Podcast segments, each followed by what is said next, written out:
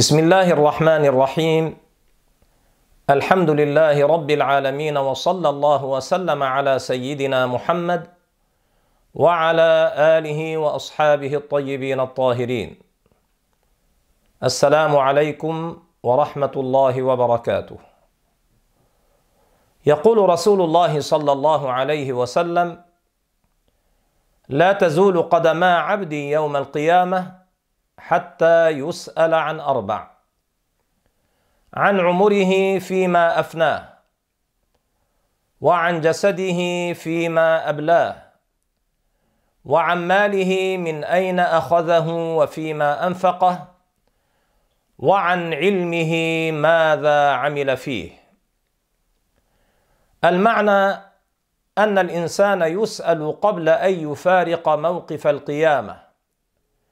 قبل أن يؤمر به إلى الجنة أو النار. يسأل عن عمره فيما أفناه وعن جسمه فيما أبلاه وعن ماله من أين أخذه وفيما أنفقه. فإن أخذ المال من حلال وصرفه في حلال سلم وإلا فقد استحق العقوبة. وعن علمه ماذا عمل فيه؟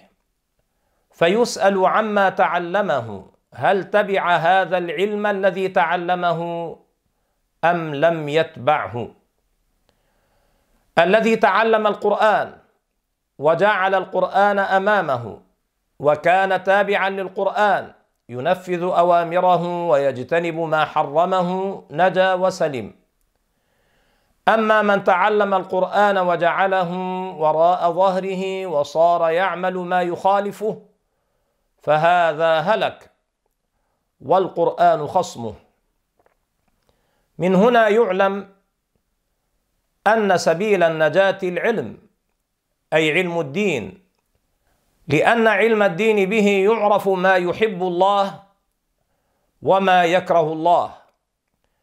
به يعرف الكلام الذي ليس فيه مؤاخذة في الآخرة والمشي الذي ليس فيه مؤاخذة في الآخرة. وكذلك سائر تصرفات الإنسان. بعلم الدين يعرف ما يضر العبد وما ينفعه.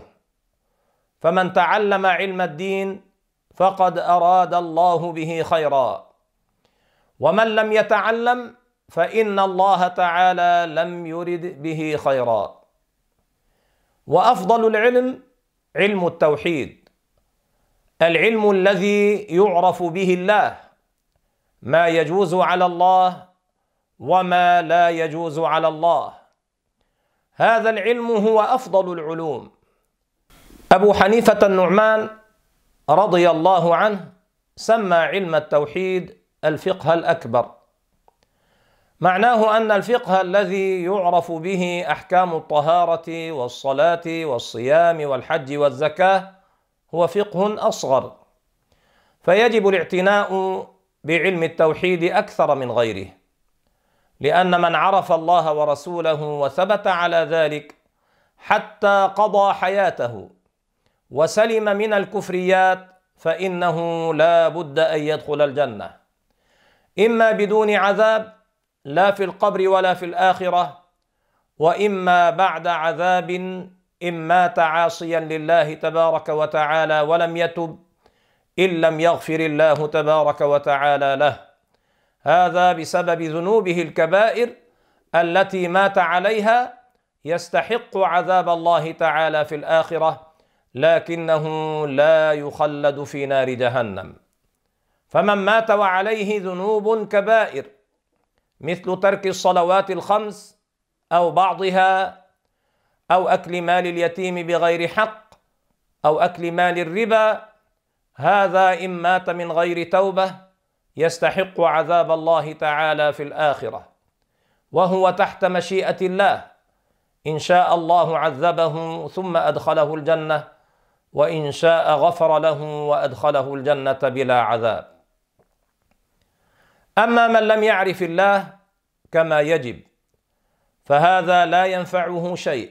مهما اجتهد في صور العبادات لا ينفعه شيء.